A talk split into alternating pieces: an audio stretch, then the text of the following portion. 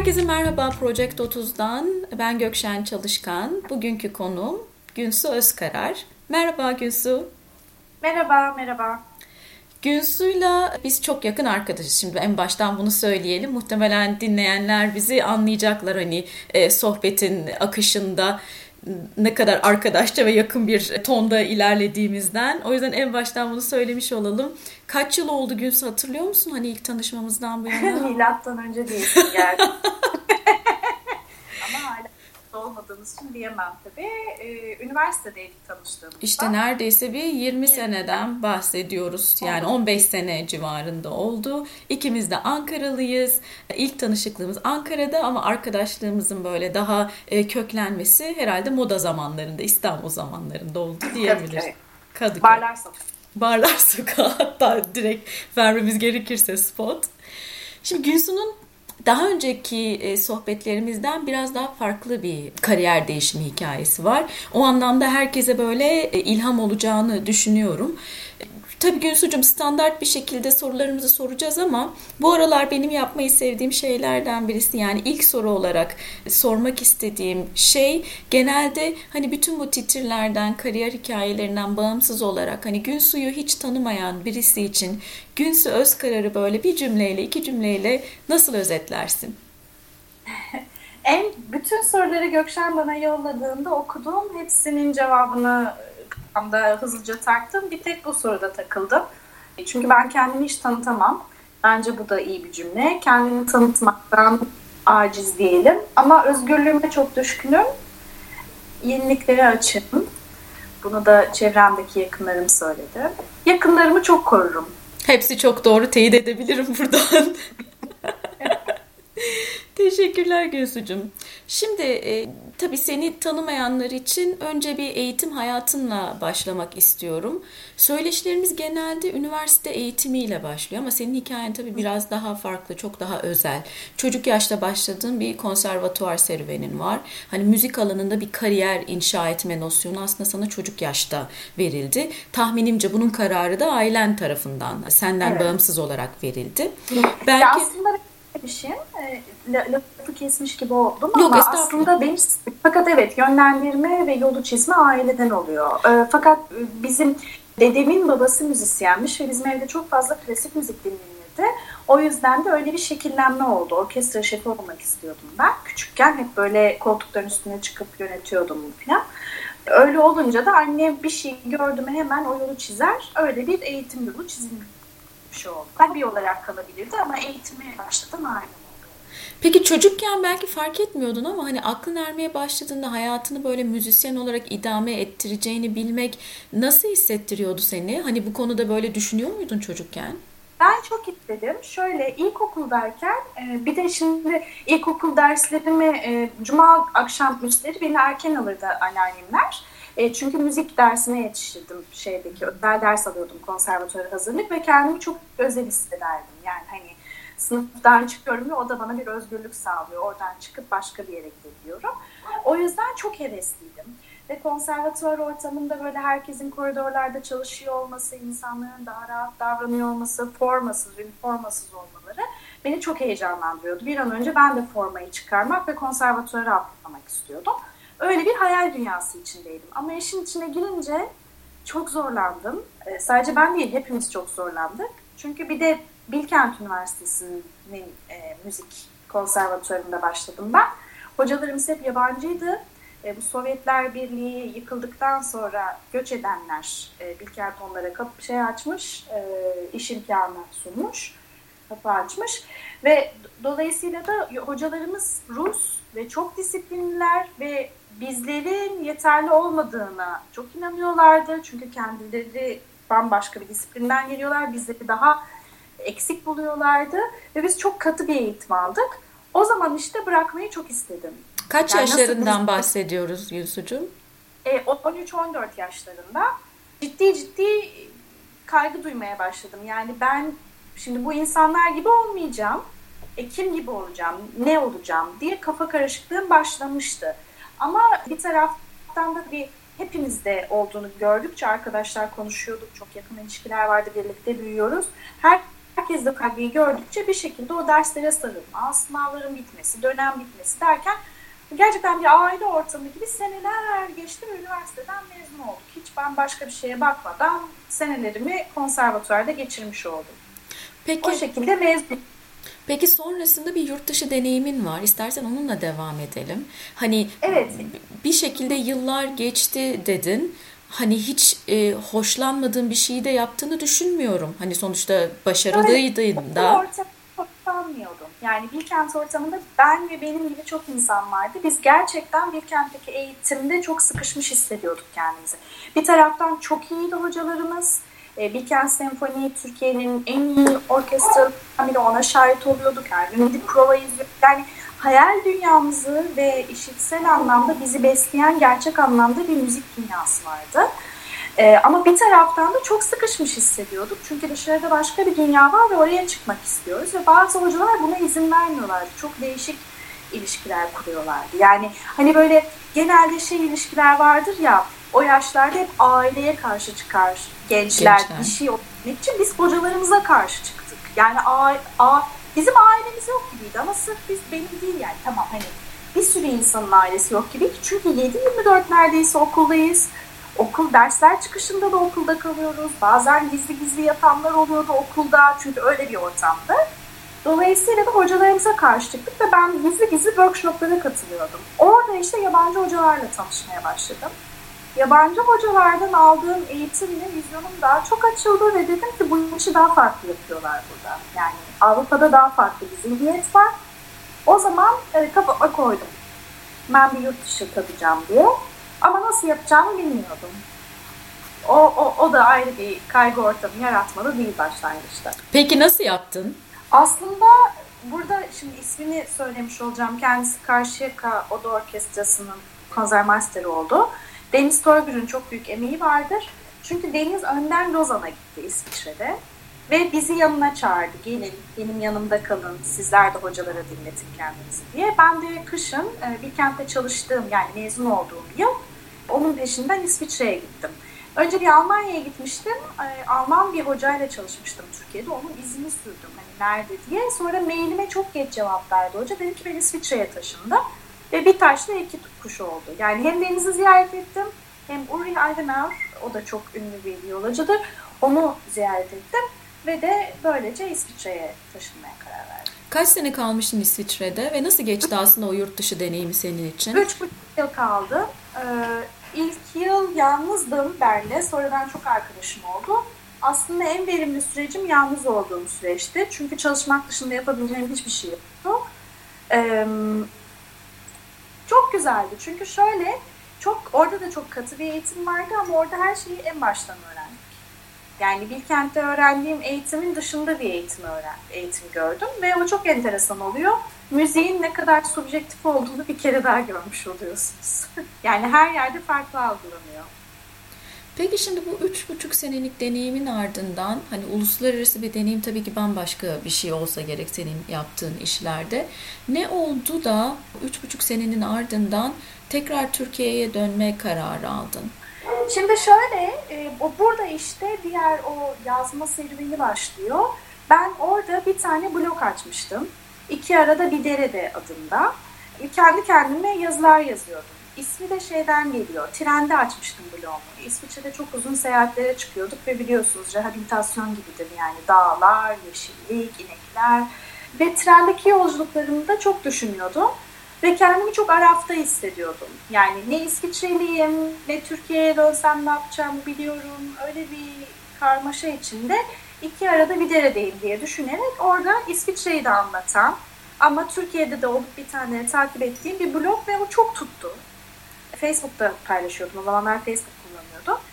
Ve sürekli ona yorumlar geliyordu. Çok güzel yazıyorsun, keşke işte bir köşe yazsam, biz de okusak Türkiye'de gibi gibi bir sürü feedback gelince yavaş yavaş ben acaba yazar olur muyum diye İsviçre'deyken düşünmeye başladım.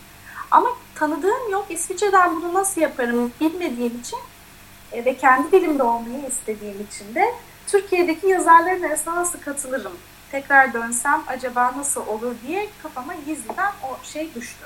Bayağı güzel aslında bu. Hani ufaktan ufaktan hani yaptığın işlerin yanında hani bir blog açmaktan bahsettim. Dün akşam da konuşuyordum hani Clubhouse'da. Bu aralar maalesef ki Clubhouse'a fazlasıyla düşmüş vaziyetteyiz. Kurumsal hayat mı, freelance hayat mı hani ne daha iyidir, hangi yoldan ilerlemek hani daha fayda sağlar falan diye düşününce insanların sevdiği şeyleri öyle ya da böyle bir yan aktivite olarak belki bir ilk başta belki hobi olarak yapmaya başlaması ve sonrasında aldığı tepkiler üzerinden gerçekten o alana yoğunlaşacak zamanı ve enerjiyi yaratmaya çalışması büyük bence büyük bir hani şu dönem için böyle bir lüks gibi görülüyor ama aslında hayatın bir parçası olması gereken bir şey diye düşünüyorum. Hani normal yaptığımız şeylerin yanında e, yan aktivite olarak bir şeyler yapmak. Senin özelinde de böyle olması çok keyifli. Bir de Göksel şey çok enteresan ek olarak buna. Bazen bir şey yapıyoruz, kendi kendimize yapıyoruz ve onun onda iyi olup olmadığımızı kendi başımızdayken anlamıyoruz. Yani müzik eğitiminde de bu çok gördüğümüz bir şeydir. O yüzden senelerce hocalarla çalışırız. O yüzden sınav önünde, jüri önünde sınav veririz. O yüzden komisyon çok kişidir. Yani bazen iyi olup olmadığımızı illa bir tarafın yansıtması gerekir. Yazı da bende öyle oldu. Yani bu bloğu açarken hem ben duygularımı akıtmak istedim. Çünkü sıkışmış hissediyordum orada da. İsviçre'de de hani bazı şeyleri ifade edemekten. Hem de o sırada Türkiye'de çok siyasi anlamda işte bu Hrant Dink'in öldürülmesi vesaire tam böyle cafcaflı bir döneme girmiştik Türkiye'de. Ve bazı şeyleri de politik olarak dile dökmeyi isteyerek, insanlara bir şeyler söylemek isteyerek ama Facebook iletisinde yazınca o geçmiyordu. Öyle başlamıştım. Ciddiye alarak yaptığın bir şeyin iyi olduğunu karşı taraf sana söylediği zaman sen o işi daha fazla ciddiye almaya başlıyorsun. Aa ben bunu yapmalı mıyım? O zaman geçiyorsun biraz. Kesinlikle.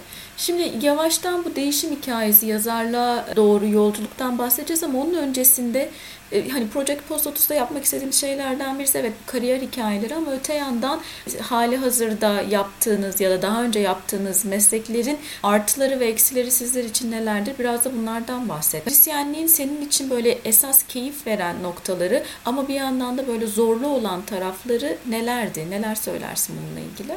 Ben oda müziği yapmayı çok severdim. Oda müziği işte en fazla 5 kişiden oluşur ama biz genelde 3-4 kişilik gruplarda daha fazla çaldık. Yani ben daha fazla yer aldım. Oda müziği yapmayı çok severdim çünkü birbirinden farklı insanlarla uzun vakit geçirmek zorunda kalırsın ve totalde ortak bir müzik çıkarırsın. Birlikte karar verirsin nüanslara, birlikte hareket edersin, konseri birlikte paylaşırsın. Performansın iyiliği dördünüzün veya üçünüzün başarısı da kötülüğü yine yani bir sporcu gibisindir orada. E, o birliktelik bana çok yani insan ilişkilerine dair çok şey gösteriyordu. Yani ben oda müziklerinde tüylerim diken diken olurdu yani çalışmalar esnasında da. Çünkü yani normal hayatta anlaşamadığım bir insanla müzik yapabilmek gerçekten hayata dair bana en büyük katkısı olan şeylerden biridir. Yani o bana hep şunu gösterdi. Bu ortamda anlaşamıyor olabiliriz ama başka bir yerde bir araya gelseydik ve başka bir dilde konuşmak zorunda kalsaydık, müzikle bir dil burada, konuşmak zorunda kalsaydık biz bu kişiyle de anlaşabilirdik gibi zengin bir dünya yarattım ben kendi için. Müzik çalışırken. Peki zorlu tarafı sence neydi esasen? E, Türkiye'de mi genel olarak? Genel olarak senin deneyimin e, üzerinde çok psikolojinin sağlam olması gerekiyor. Çünkü devamlı performans sergilemek ve insanlara devamlı kendini sunmak çok yorucu bir şey. Yani o yüzden ben hala e, sürekli sahne işi yapanları çok takdir ediyorum. Ben şu ara biraz uzağım sahneden. E, çok gerçekten takdir ediyorum. Şimdi müzisyenlikle ilgili hani düşüncelerin, hissiyatın artık içinde yavaş yavaş yeşeren diyelim değişiklik arzusu, tutkusu giderek büyümeye başlıyor ve sen hani bu yazarlık yolculuğuna çıkma kararı alıyorsun. Şimdi böyle hani diye alınacak bir karar değil. Eminim ki hani bunun bir süreci oldu. Hani ben bizzat Şimdi onu söyleyecektim. bizzat Hayıtsın aslında. Aynen öyle ama hani bizi dinleyenler için e, senin bu yaşadığın değişimin hani ana süreçleri nelerdi? Bu şu da olabilir. Hem psikolojik değişimin verdiği, yaşattığı şeyler olabilir. Artı senin aldığın eğitimler, daha iyi olma yolunda, daha profesyonel olma yolunda aldığın eğitimler ve son olarak tabii ki en güzel sonuçlardan birisi olan kitabına yazışın ve onun çıkışı. Biraz bunları dinleyelim senden Gözücüm. doktoramın son senesindeydim sanat rehberliğin. Birazcık tabii bu şekilde dinlerinizde tatlı olmaz ama tatlı tatlı anlatayım. E, doktor hocamla ufak bir çekişme içindeydik. O bana kızıyor. Ben ona kızıyorum. Bir şey anlatmış oldum. Böyle bir süreç içinde bir, bir taraftan da bitirmem gerektiğini düşünüyorum. Hani yüzdüm yüzdüm kuyruğuna geldim. Ama akademisyen olsam mı yoksa bu sektörün içinden çıksam mı sorgulamasına da girdim. Çünkü bizim sektör küçük bir sektör. Şimdi alttan yeniler geliyor ve daha farklı eğitim almış kişiler geliyor. Ama bizler daha kapalı, daha birbirinin eğitimi. Çünkü bizde ekoller vardı. Biz öyle eğitildik. Yani doğrusu yanlışı tartışılır tabii ki ama hani tamamen Avrupa'dan getirilmiş hocalar, Avrupa'da okumuş hocalar onlar bir ekol oluşturuyorlar. Herkes birinin ekolünde ve birbirimizle tanışırken de müzisyen olarak hangi ekolden olduğunu, kimle çalıştığını sorardık. Şimdi yenilerde ben öyle bir şey görmüyorum. Herkes herkesle çalışmış oluyor, herkes her müziği çalmış oluyor. Biz öyle değildik. Hmm. Şimdi öyle bir şeyin içinde olduğumuz için de sektörümüz aslında çok düşük. Yani 5-10 kişiyiz diyeceğim. Onu siz yani 50-60'a çevirebilirsiniz dinlerken. Küçücük bir avuç insanız. E, dolayısıyla da en küçük bir ufak bir anlaşmazlık yaşadığınız zaman sektörde bu sefer çıkışsız kalıyorsunuz. Kendinize yeni bir şey yaratıyorsunuz ve müziği bırakıp da başka meslek edinen arkadaşlarımız da hep böyle bir yerden çıkmıştır. Yani bir anlaşmazlık sonucu ben bu sektörde daha fazla barınamayacağım diyerek kendine başka meslek. O sırada da ben devamlı yazıyorum ve yeni insanlarla tanışıyorum. E, Arsız Sanat'ın editörüyle tanıştım. Bir serginin çıkışında ve ben de yazıyorum deyince çok isterim okumayı dedi. O da müzisyen bir insanın nasıl yazdığını merak etmiş. Ve ona gizli e, öykülerinden birini yolladım. Çünkü kimseye okutmuyordum. Annem dışında kimseye yollamıyordum. Belki sana yollamışımdır. Yani yakın arkadaşlarıma bir iki öykü yollamış olabilirim elimle. Ondan sonra Arsız Sanat çok beğenince Tuğba dedi ki ne olur bizim yazarımız o. Ve ben dergide yazmaya başladım. Telifsiz bir şekilde yazmaya başladım. Çünkü Arsız Sanat bağımsız bir mecra telif vermiyorlar kimseye. Hala o şekildeler. Kendilerini yürütebiliyorlar ancak. Ama düzenli olarak oraya yazıyor olmak bana cesaret verdi. Onun üzerine de vapura binerken, yola çıkarken, müzik dersi vermeye gittiğim kurslarda gördüğüm, dergi bayisinde görüp gördüğüm bütün dergileri alıcı gözle bakmaya başladım. Demek böyle oluyor bu iş diye. Ve ilk işte psikiyatr'a yazdım. Ben Günsü Özkarar, müzisyenim ama yazmayı çok seviyorum. Siz de yazabilirim. Böyle böyle dergilerde yazmaya başladım ve psikiyatri serüvenim bir sene sürdü. Ve gerçekten Ercan Bey'e çok teşekkür ediyorum beni kabul ettiği için. Nasıl etti hiçbir fikrim yok. Yani gerçekten bilmiyorum çünkü beni tanımıyor. Ama yazımı beğendi demek ki. Ama böyle yine bana maillerle şey iğne batıyor. Diyordu ki dağınık yazıyorsun ama şu ifade gerçekten insanı yakalıyor. O yüzden bu yazıyı yayınlayacağım. bir ifademi beğenmiş ve yayınlamaya karar vermiş. Ve ben psikiyatride görünür oldum. Ve orada çok iyi yazarlar yazıyor. Mevsim geleceğler, işte ne bileyim kalatanmanlar yazıyorlar yani. Ve öyle bir dergide yer almak beni yavaş yavaş tamam dedim ben bu işin eğitimini almaya başlasam iyi olur. Çünkü iyi yola girdim hissi oldu. Peki eğitim olarak neler yaptın? E, katıldığın workshoplar vesaire mi oldu? E, Mario Levi ile çalıştım iki sene. Onun İstanbul Modern'deki yazarlık eğitim, yani bunlar tartışılır. Yaratıcı yazarlık ifadesi hoş bir ifade değil ama şimdi PR'dan, reklamdan ötürü böyle diyorlar. İstanbul Modern'de ufak bir sınıfımız vardı, onu tamamladım. Arkasından milli sanatlarda devam ettik. Her hafta görüştük ve her hafta hem yazı tekniği, Mario Hoca çok iyi bir hocadır. Hem yazı tekniği hem de yazdıklarımızı okumak, ödevler ödevler üstüne e, kurulu bir sistemi sürdürdük beraber ikisini. Peki bu süreçte böyle zorlandığını hissettiğin oldu mu? Hani yine böyle kafanda soru işareti. Evet yazarken. O çok enteresan. Bir taraftan müzik devam ettiği için hiçbir zaman yazarlığı gerçek işim olarak görmedim. Ne zaman ki para kazanana kadar. Ama yine de hala görmüyorum. Onu böyle dokunulmaz bir alanda bırakmaya devam ediyorum. Süper. E, bütün bu hani eğitimler, işte network'ün vesairenin gelişmesinin ardından bir kitap serüvenim var. Biraz da küflü virgülden bahsedelim. o çok karmaşık bir süreç Gökşen'cim. yani sizler de diyordunuz bana çıkar çıkar diye hatırlarsın. Pek cesaret edemiyordum. Hatta hala da kitabı alıp bir baştan sona okumuşluğum yok açıkça söylemek gerekirse. Ara Ciddi ara böyle misin? bak. Evet gerçekten çok hikayem birikti. Çünkü her yerde yazdım ve çok fazla yere yazı yolluyordum. Çeşitli dergilerde yayınlanıyorlardı. Bazısı reddedildi. Reddedildiğim bir dergi oldu. Şimdi ismini söylemeyeyim. Kapandı zaten o dergi. Ama ısrarla beni iki sene reddettiler. O birazcık içime dokundu. Ee, özellikle onlara yazdığım öyküleri bir yerde bastırma isteği uyandı bende. Çünkü hoş, yani ben onları çok sevmiştim o öyküleri ve reddedilmesi beni çok üzdü. E, o derginin de yazarlarından biri yine Mevsim Yenici'dir. Bir gün ona bir mail attım. Sizinle tanışmayı çok isterim diye. O da kırmadı beni. Geldi ve bir kahve içtik karşılıklı. Yazarların da bu huylarını çok seviyorum. Yani meraklı oluyorlar. Yeni bir insandan bir şey gelince kapıyı kapatmıyorlar. Yani bir dinlemek istiyor. Oradan ne malzeme çıkacak, ne hikayesi var. Mevsim bana dedi ki ben de dedi senelerce reddedildim ama sonunda çıkardım ilk kitabımı dedi. O zaman anladım ki bu süreç zaten reddedilerek gidiyor. Yani bu böyle işin fıtratında olan bir şey yani. Herkes aynı şeyi yaşıyor. Yayın evleri de böyle. Kabul ettirmen için seni böyle bir isim soyad olarak ve böyle istikrarlı olarak yazdığını görmeleri gerekiyor. O zaman dedim ki ben reddedilme sürecini bu kadar uzun bekleyeceğime bir ufak kitabım olsun. Bir taraftan yazmaya devam edelim. O kitabı çıkarayım. En azından birine kendimi tanıtırken o kitapla giderim diye düşünüp İkinci adam yayınlarına başvurdum. O şekilde çıktı. Öykülerim, birikmiş öykülerim çıkmış oldu. Harika. Ben severek zaten okudum. İçinde hem seni gördüm hem tabii ki daha senden Görülüyor öte. Mu?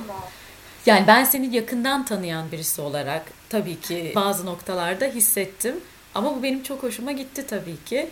Yani ilgilenenler için e, kitabın ismini küflü virgül olduğunu da tekrar söyleyelim. Şimdi kendine baktığın zaman Gülsucuğum bir yandan müzisyenlik devam ediyor.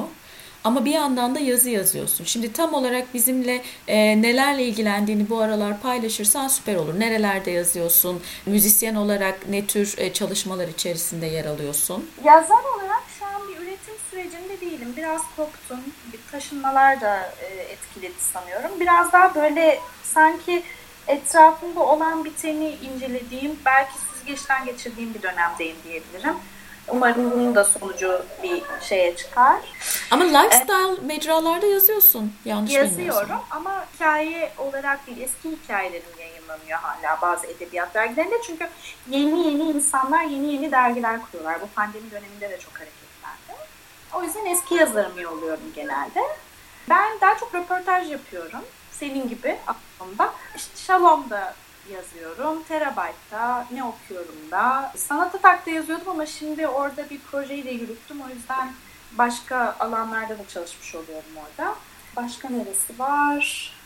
Sanıyorum bu kadar. Ha bir de Uplifers var. Hı hı. Yani dijital dergilerde ha Augusto var.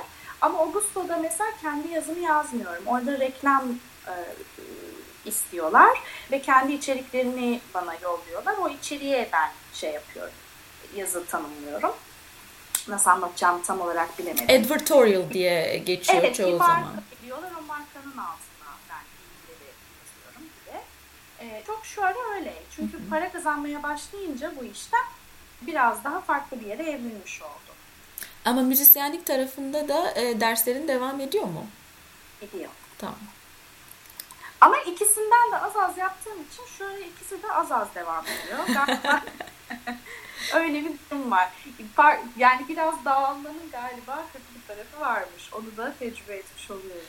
Peki tam bununla bağlantılı olarak hani kariyerinde değişime gitmek isteyen kişilere neleri önerirsin? Hani böyle ikisini bir arada e, yürütmeye çalışmak avantajlı mı yoksa hani birini artık bırakmak gerekir mi diğerine tamamen enerji Kesinlikle gerekmez. Ben bu anlamda belki iyi örnek olmayabilirim ama şöyle bir şey öneririm. Kesinlikle bu tavsiyenin işe yarayacağını düşünüyorum. O alanda kim iyiyse onunla kolaborate etmeye çalışsınlar. Mesela benim yani Mario Levi ile çalışmış olmamın kapı açtığında eminim. Hani yayın evine gittiğimde bir şey olduğunda birine yazarken o, o önemli oldu. Dergilerin beni kabul etmesinde.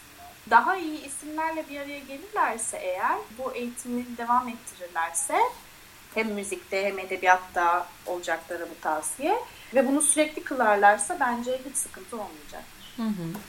Bu değişim sürecinde sana böyle engel olmaya çalışanlar oldu mu? Aman yapma kızım hani ne güzel aslında bütün hayatını verdiğin bir eğitimin.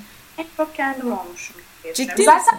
Bir başkasının da evet çünkü bir başkasının da size bir şey söylemesi ancak siz izin verdiğinizde gerçekleşiyor ya biraz. E, en çok kendimiz oluyoruz o yüzden bir başkası değil.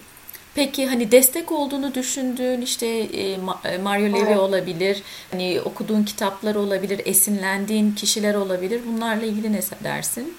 Sizler. Aa.